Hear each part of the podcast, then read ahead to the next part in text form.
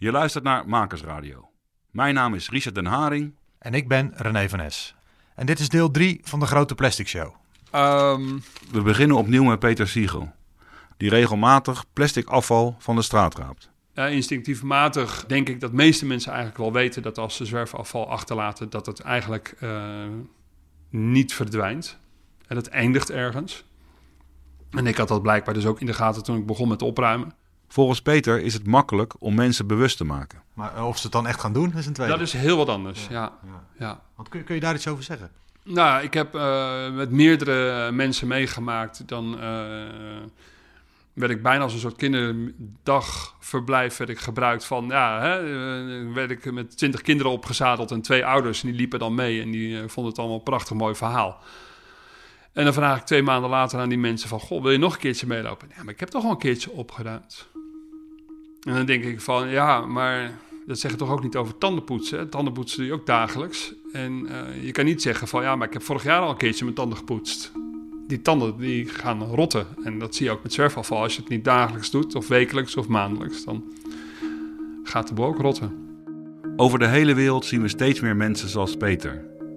Mensen die niet alleen naar het plastic probleem kijken, maar die er ook echt iets aan willen doen. Maar hoe lossen we het in vredesnaam op? In deze driedelige serie volgen we de bestrijders en hun gevecht tegen het plastic afval. En in deze laatste aflevering vragen we ons af wat we zelf kunnen doen. Ben ik eigenlijk ook wel nieuwsgierig naar van wat kan ik nou doen bijvoorbeeld? Want ik bedoel, ik heb er weinig invloed op. Nou, Dat denk ja. ik zelf tenminste. Ja, precies, precies. Maar dat, dat is, eh, ik vind het altijd interessant om op zoek te gaan naar wat kan je wel. Dit is Babette Porselein. Ze deed er onderzoek naar en schreef haar bevindingen in een boek. Ja, ik ben steeds op zoek naar de grootste oorzaken, zodat je ook ziet wat je het beste kunt doen om het te voorkomen. Iedereen heeft zijn eigen motivaties of zijn eigen gebeurtenissen in het leven... wa- waardoor hij dus zwerfafval achterlaat. Het zijn er nog niet zo heel veel, maar steeds meer mensen ruimen plastic afval van de straat. Als 25% van de mensen dus regelmatig zou opruimen, dan zie je dus dat er een cultuur begint te on- ontstaan waarin opruimen normaal is. Tegelijk krijg je ook een cultuur waarin het dus niet normaal wordt om dingen op straat te gooien. Volgens hoogleraar duurzaamheid en transities Jan Rotmans moet er een cultuuromslag plaatsvinden op alle niveaus in de samenleving. Als jij als bedrijf nog plastic maakt over tien jaar, ben je gewoon een sukkel.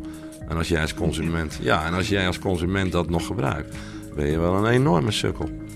Dat, dat gaat gebeuren. En ook eh, ja, hier weer een blikje. Ik loop met Peter door zijn buurt in Amsterdam. Hoeveel keer per eh, week doe je dit nou? Een rondje lopen? Eh, met een grijper? Ja? Op een, met een grijper op het moment heel weinig, omdat ik daar eigenlijk eh, vrij weinig tijd voor heb. Maar altijd als ik loop, dan buk ik op het moment dat ik gewoon iets kan pakken. Dat zit er standaard ingebakken. Dat zit er gewoon nu in gebakken, ja. En ik, ik, ik loop dan niet, niet meer dan drie of vier stappen opzij. En ik moet ook andere dingen nog in mijn leven kunnen doen. Ja. Moet wel een beetje ehm, behapbaar blijven. Ongeveer zes jaar geleden begon hij met opruimen. En toen liet ik mijn hond aan de overkant van de straat uit. En daar lag het altijd. hier, het is, een- is een hoekje rechter. Hey. Aan de overkant van de straat, daar eh, lag altijd heel erg veel zwerfafval. En er ligt tegenwoordig nog maar heel weinig. Terwijl op een eh, identiek stukje straat, daar ligt dan heel veel. Maar omdat ik daar dus nu op het moment nog maar één stukje per dag hoef weg te halen, zien mensen dat het stukje schoon is en gooien ze er niks weg. Ja. Dus schoon houdt schoon, ja, er zijn veel discussies over, maar ik, ik geloof wel dat het eh, werkt. Maar dan moet het wel consequent schoon blijven. We hebben hier voor ons het boek De Verborgen Impact. Alles voor een eco-positief leven. Ja, klopt. Je hoort de auteur van het boek, Babette Porselein. Ik ben eh industrieel ontwerper van huis uit. En ehm, ik ben sinds 2014 bezig met, eh, met milieu en klimaat. Ze bestudeert en vergelijkt de impact op drie verschillende gebieden: klimaat, milieu en natuur. En dat doe ik omdat het een soort, ehm, eh, anders krijg je een soort waterbedeffect. hè. Als je maar op één ding let en je gaat dus ergens op het waterbed zitten, dan plopt er ergens anders een probleem op als je niet oppast. Dus ik wil het hele waterbed onder controle houden, of, of in ieder geval overzien wat er gebeurt. Weet je, als je single focus hebt, dat je dan niet eh, ergens anders iets, eh, een groter probleem veroorzaakt zonder dat je daarop hebt gelet. Daarom vind ik het heel belangrijk om juist alles mee te nemen. En als je alles mee wilt nemen, hoort plastic afval daar natuurlijk ook bij. Ja, klopt. Ik heb uh, voor de herziene editie heb ik een uh, extra onderzoek gedaan naar plastic, oorzaken en wat we daarin kunnen doen. De eerste vraag die je natuurlijk stelt is: waar komt plastic vervuiling eigenlijk vandaan? De grootste plastic vervuiling in Nederland wordt veroorzaakt door de single-use verpakkingen. De single-use verpakkingen, ja, maar vooral dus degene voor onderweg. Dus bij de A2Go en uh, de kiosk. En, uh, mag ik dat zeggen op de radio? Ja hoor. ja, oké. Okay. dus uh, gewoon de dingen voor onderweg. Dus de repen en de, de, de, de pakjes en de, de, zakjes. Het belangrijkste wat je kan doen is gewoon gooi nooit een verpakking op straat, maar gooi hem in de prullenbak. En als de prullenbak vol zit, zet hem, prop hem er dan niet bovenop, want dan waait hij eruit. De tweede grote oorzaak van plasticvervuiling is een onbekende. Tenminste voor mij, ik kende hem niet, ik was heel verbaasd hierover. We hebben het hier over de slijtage van autobanden. Ja, het gaat over slijtage van autobanden. Maar dat is dus um, echt 6.000 tot 17.000 keer meer dan de microbeads in je cosmetica. Ja. Terwijl we ons daar heel erg zorgen over maken. En um, ja, weet je, dus als je ook maar één kilometer auto rijdt, heb je al meer plastic in het milieu gebracht dan een heel jaar lang in de badkamer. Even orde van grootte, hè? Dus ik ben ook altijd benieuwd naar wat zijn nou de grote dingen. En uh, dat wil niet zeggen dat je gewoon lekker de potje shampoo door, de, door, de, door het putje moet spoelen of zo. Dus de kleine dingen die tellen natuurlijk ook allemaal op. Maar het is wel goed om je te realiseren wat de grote dingen zijn. En dus dat, om daarmee eerst aan de slag te gaan. Ja. Zet gewoon de meeste zoden aan de dijk. Helaas is er nog geen oplossing voor, hè? voor een, een alternatief voor een, een, een autoband. Uh, de trein ja. en de fiets ja. en lopen. Ja, wij, wij hebben thuis zelf de auto weggedaan. Dat klinkt misschien uh, heftig, maar dat, dat, was het eerst ook. Hè. De, de, de, de besluit om het te, te, doen en het daadwerkelijk wegdoen vonden we best wel moeilijk. Maar toen hij eenmaal weg was, was het echt gewoon een opluchting en gewoon ik, ik ben lid geworden van zo'n deelauto, maar ik heb hem nooit gebruikt. Al jaren niet meer. Is dat? Mis. Peukie. Peukie weer. Terug naar Peter. Soms komt hij mensen tegen die hun afval niet in de vuilnisbak gooien. Ja. Ik heb uh, een meisje van een jaar of 15 echt wel de huid vol gescholden. Want die gooide haar lepeltje rechtstreeks het water in. En toen werd het even zwart voor de ogen. Dat heb ik uh, gelukkig niet zo heel vaak last van. Is dat altijd zo geweest of heb je dat moeten leren? Heb je dat moeten ervaren door een, door een moment? Ja, dat heb ik, dat, uh, nou ja, dat, dat, dat, heb ik snel genoeg gemerkt hè, met het uitvallen naar dat meisje. Die, die viel uit tegen mij. Natuurlijk verdedigt ze zich. Wat zei je dan? Uh, weet ik niet meer zo goed van. Gooi die troep niet in, in het water tyfus kind of zo, of kutkind. Of... Zo erg joh? Ja, ik was echt uh, goed aan het flippen. Even het tasje leeg overigens bij die vuilnisbak daar. Ja. Nee, ik was echt... Uh, ik had ook niet zo'n leuke bui die dag. Dus uh, dat, dat, dat scheelt natuurlijk. Um, het hele tasje weg. Ik heb nog tassen zat. En dan herinnert Peter zich nog een andere aanvaring. Ik fiets uh, naar, uh, naar het centrum met mijn zoon achterop. En opeens valt zijn oog op een auto die voor het stoplicht staat. En ik zie de deur open gaan en ik zie een jonge knaap. Die zie ik twee flesjes uit de, uit de auto op de grond leggen. Ook echt leggen, hè? niet eens gewoon gooien, gewoon echt neerleggen. Uh, is een hele bewuste handeling. En ook daardoor werd het weer een beetje zwart voor mijn ogen. Dus ik begin te zwaaien en te roepen van hallo, uh, je zooi. En dan kijk ik me echt zo lachend aan van, jongen, wat maak je mij nou?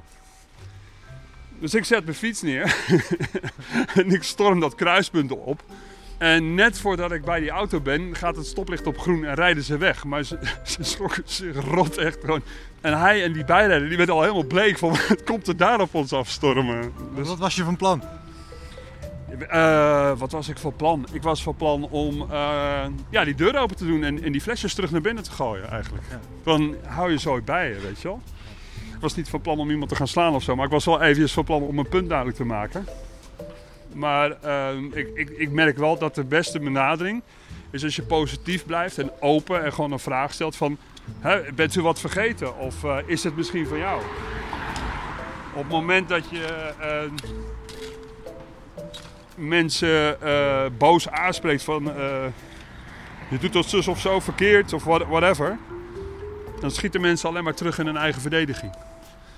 En dan staan ze niet meer open voor, eh, voor het idee dat ze misschien iets anders kunnen doen.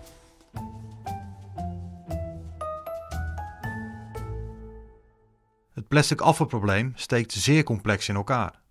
En Peter gelooft heilig in het opruimen van de straat. Het is de makkelijkste ramp ooit om op te ruimen. Tenminste, om, om te stoppen vanaf nu gewoon. Hè, wat er al ligt, dat is bijna niet op te ruimen. Dat, dat, dat, wordt echt een klote... Nou, nou, dat wordt echt een kutklus. dat wordt echt een kutklus, maar eh, eh, het, het is, eh, het is ongelooflijk simpel om, om dit tegen te houden. Mede hierdoor eh, is de hashtag Zwerfie ontstaan. En dat schrijf je eh, Z-W-E-R-F-I-E. Een zwerfie maak je door eh, een selfie te maken met een stuk zwerfafval. En daarmee eh, de social media op te gaan. En eh, de gedachte daarachter is, als iedereen één stukje zwerfafval opruimt, dan is Nederland in een paar dagen schoon. Daar zijn cijfers voor die dat een soort van bewijzen. Het is natuurlijk niet helemaal wetenschappelijk. Onderzoek van het CBS toonde aan dat 1 op de 5 Nederlanders wel eens wat laat vallen. En onze filosofie is dan, als 1 op de 4 Nederlanders af en toe wat opruimt, nou, dan, dan haal je dus de, de vuilmakers in. Hoogleraar duurzaamheid en transities, Jan Rotmans, ziet ook dat steeds meer mensen afval opruimen van de straat. Ja. ja, dat is een mooi streven. Maar ik denk dat het een iets romantisch beeld is. Want ik, ik denk niet dat één op de vier mensen eh, dat gaat doen. Kijk, je hebt het over een gedragsverandering.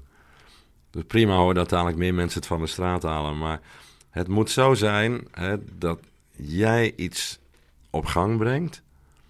Eigenlijk wij met z'n allen die daarmee bezig zijn.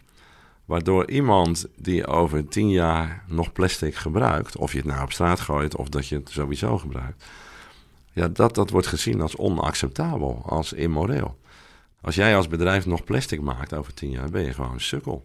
En als jij als consument, ja, en als jij als consument dat nog gebruikt, ben je wel een enorme sukkel. Dat, dat gaat gebeuren. Alleen dat gebeurt altijd in kringen van kringen van kringen. Het begint met een kleine groep mensen die fanatiek daarmee stopt. En als dat lukt, een grotere groep die aanhaakt. Als dat lukt, een nog grotere groep. Het ontstaat nooit vanuit een breed draagvlak. Want te veel mensen worden gedreven door gemakzucht en gewoontegedrag. Maar het gaat er wel aankomen. Eh, Eerst begint het met bewustwording. Er worden steeds meer mensen zich bewust van de schadelijkheid van plastic. Dan gaat de attitudeverandering. Je gaat er anders tegenaan kijken. En dan de gedragsverandering. Nou ja, daar gaan we nu naartoe. En dat begint al bij eh, scholen, bij opleidingen. Dat begint bij bedrijven.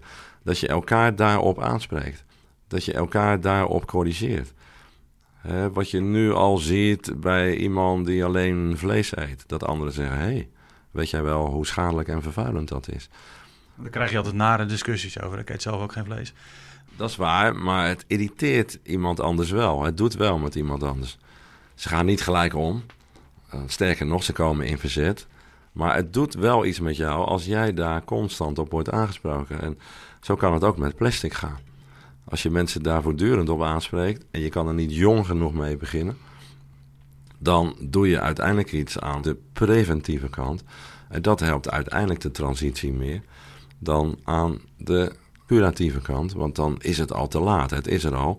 En dan kan je het opruimen. En nogmaals, het is een goede zaak dat mensen dat doen. Maar liefst niet allemaal het wiel uitvinden. Maar het begint aan de voorkant van het probleem. Dus plastic moet verdoemd worden.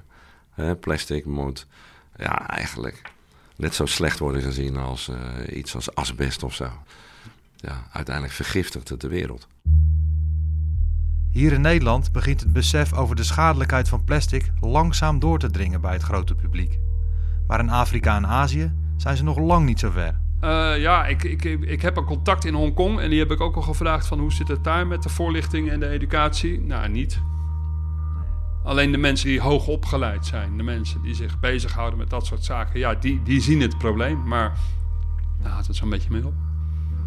Een gitzwart uh, scenario eigenlijk. Ja, je moet er ook niet te hard over nadenken. nee, dat, uh, uh, als de dijken overstromen, nou, dan kan je nog een bootje pakken. En dan drijf je weg op uh, plastic soep waarschijnlijk. Maar ja, het regent al. Het is al in honing gezien. Het is al in Duits bier gezien. dat hou je niet tegen. Als het zo doorgaat. Maria Westerbos is directeur en oprichter van de Plastic Soup Foundation. Je hoeft geen appel in een broodzakje te doen. Je hoeft hem ook niet verpakt te kopen. Je kan het gewoon in je mandje gooien. En dan wordt keurig afgewogen en neem je het in de tas mee naar huis.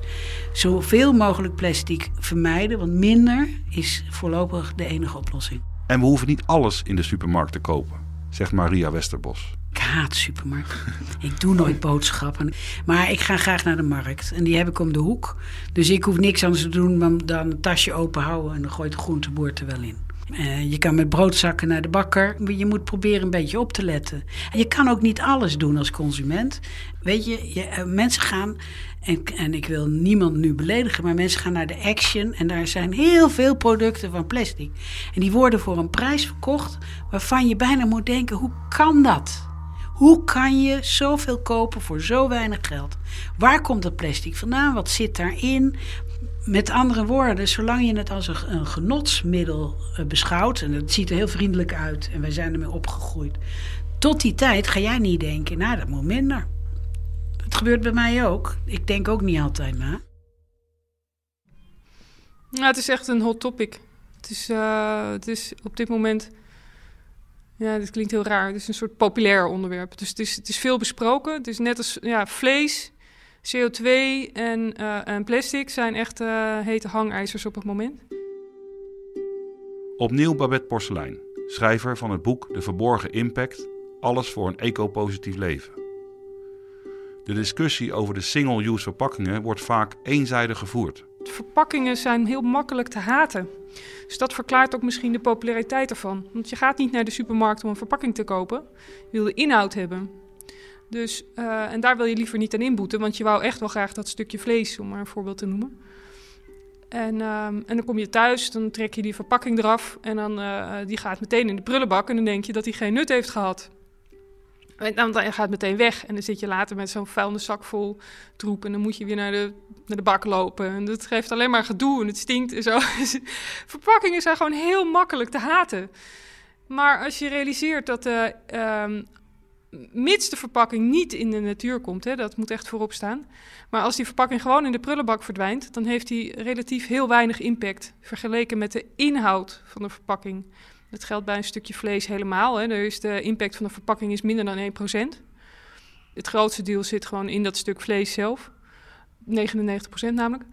En, um, uh, en bij een komkommer is er nog steeds maar 10% van de impact zit in die verpakking en 90% dus in de komkommer.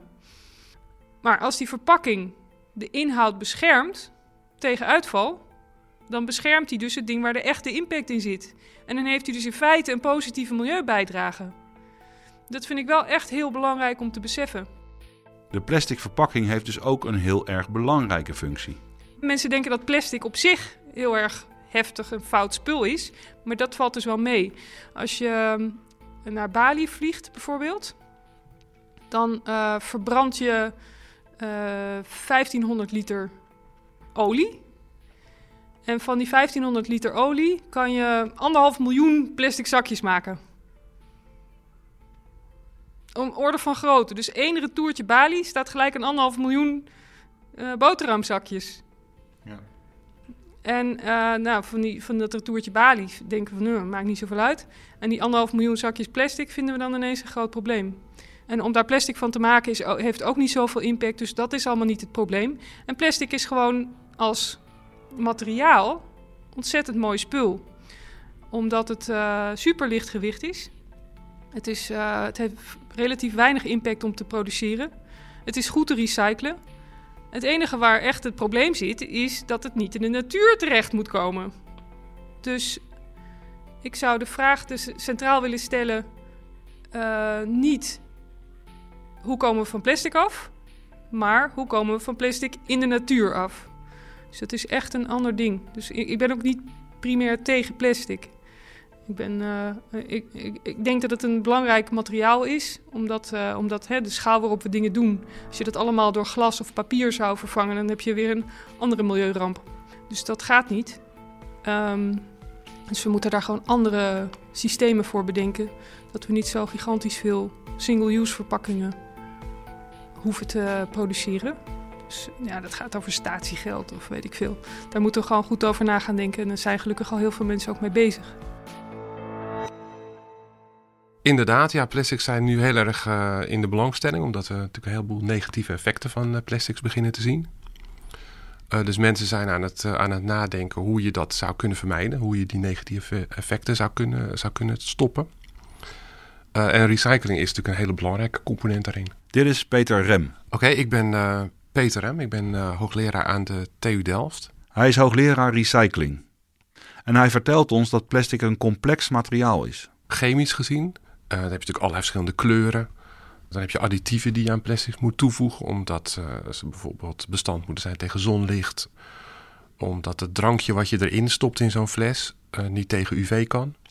En daarmee zijn er dan in totaal op dit moment in Nederland 250 verschillende soorten verpakkingsplastics alleen al. Dus uh, heb je een idee van, van de complexiteit. En hoeveel soorten plastic zijn er in totaal?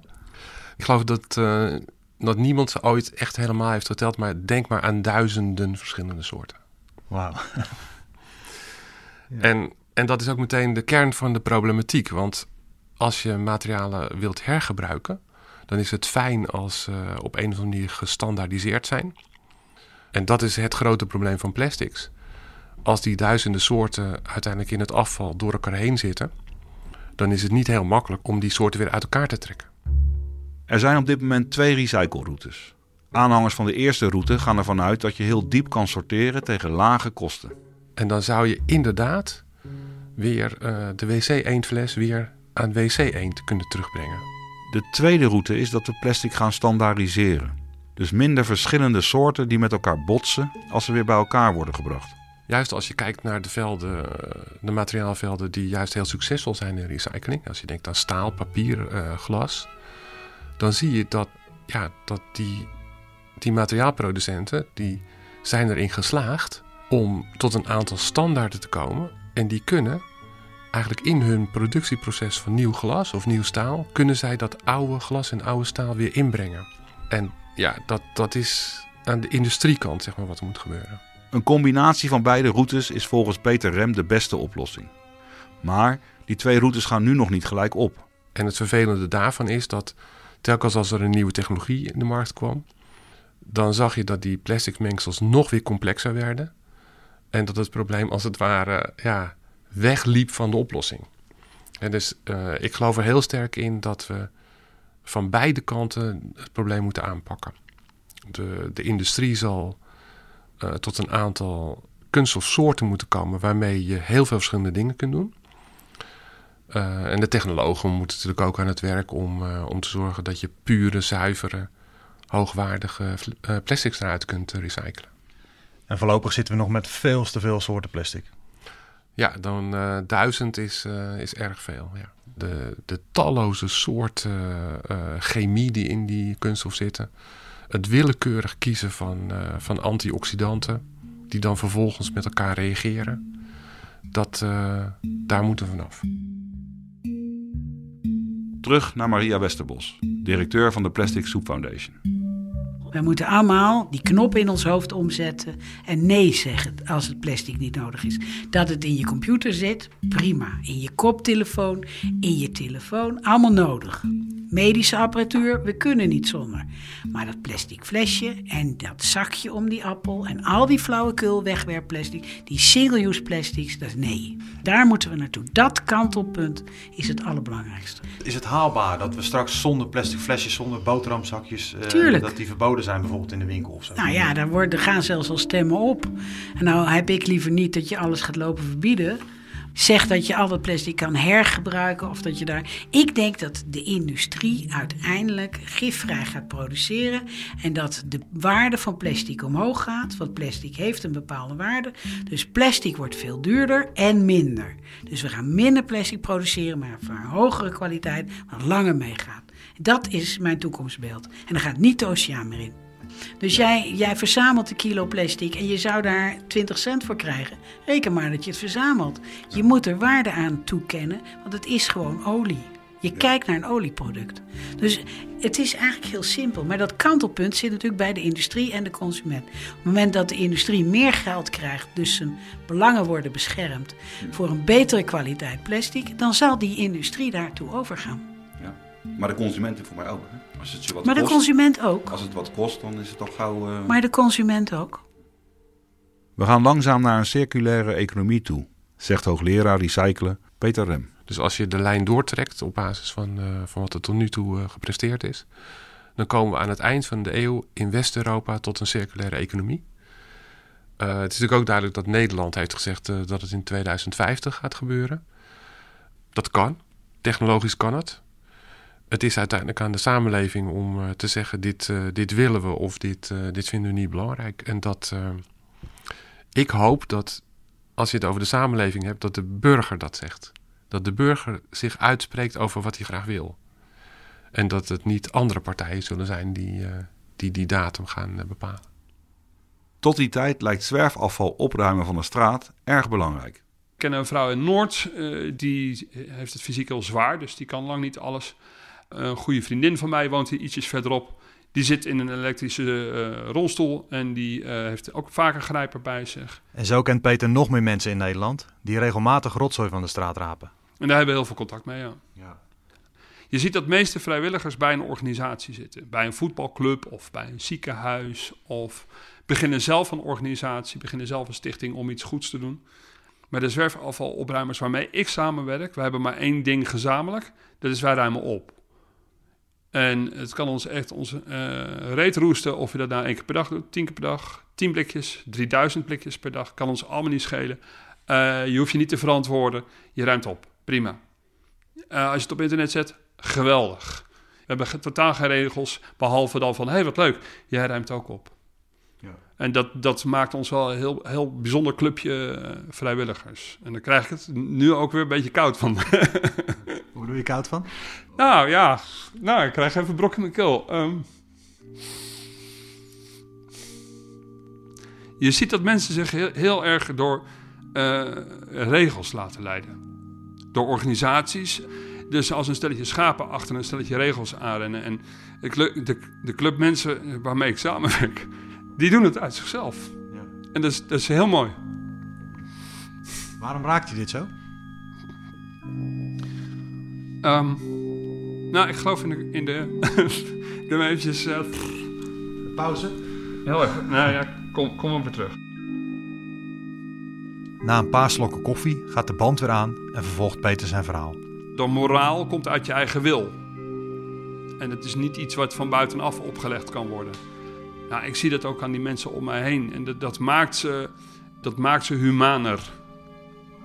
Dat maakt ze sterker en dus mooier en, en, en onafhankelijker en vrijer. En ik denk dat eh, daar zit een hele sterke toekomst in. Maar raakt het je misschien ook omdat jullie er toch nog een beetje alleen voor staan? Nee. Het is ook een soort moreel appel aan andere mensen. Kom op, doe dit ook. Eh, nou, niet op die toon. Wij laten gewoon zien dat het normaal is. We laten zien dat het gewoon vrij normaal is om even een keertje, één keer per dag te bukken en één stukje zwerfafval op te ruimen. Dus als ik naar het strand ga en ik wil bijvoorbeeld gaan kiten of ik wil met de kinderen een zandkasteel bouwen, dan pak ik een plastic tasje en dan ruim ik ook even op. En dat hoeft maar 10 minuutjes of een kwartiertje te zijn. En met dat afval maken we dan soms bijvoorbeeld zelfs een, een kasteel of whatever. En dan gaat het gewoon in de vuilnisbak. En dat doet niet onderaan mijn plezier van de dag. Ik had al heel snel in de gaten van, eh, ik moet het gewoon doen. Want ik, ik moet het doen. En dat, dat heeft niks te maken van, ik moet het doen van een ander. Nee, ik moet het van mezelf doen. En de enige manier om andere mensen mee te krijgen... is door te laten zien dat ik het doe. En dat ik er werkelijk voor sta. En dat ik ook werkelijk heb over nagedacht.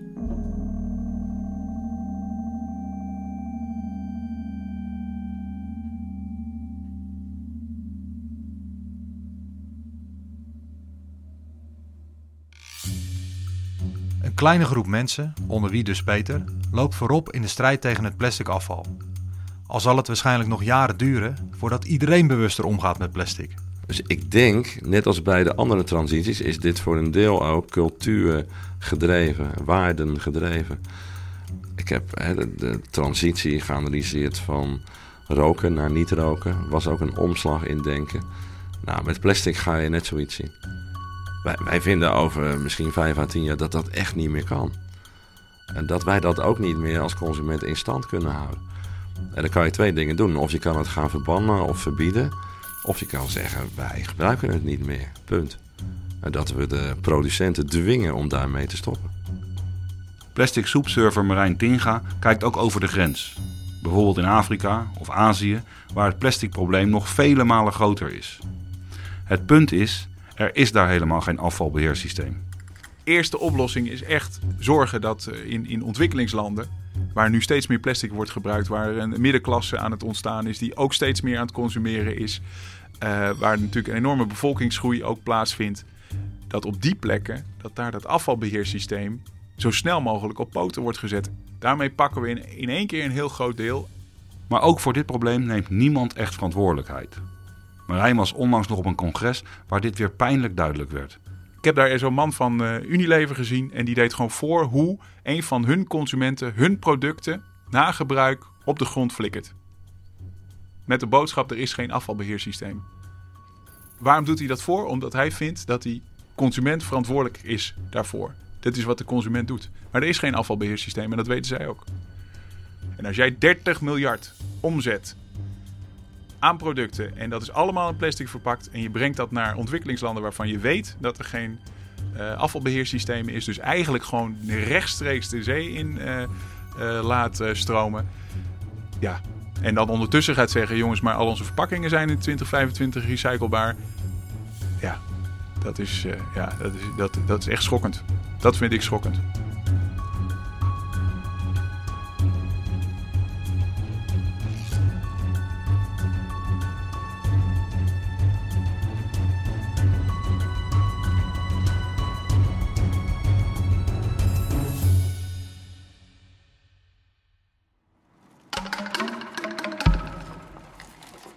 Als je met plezier hebt geluisterd naar deze podcastserie, laat dan even een reactie achter in iTunes bijvoorbeeld.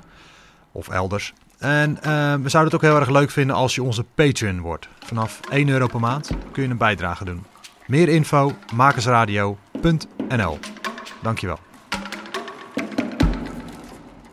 En tot slot sluiten we weer af met muziek van Rogier de Nijs. De instrumenten waar hij op slaat en speelt zijn allemaal van plastic afval gemaakt. Wil je meer van hem horen? Check dan even Rogier de Nijs of op de naam van het project Muziek Plastiek.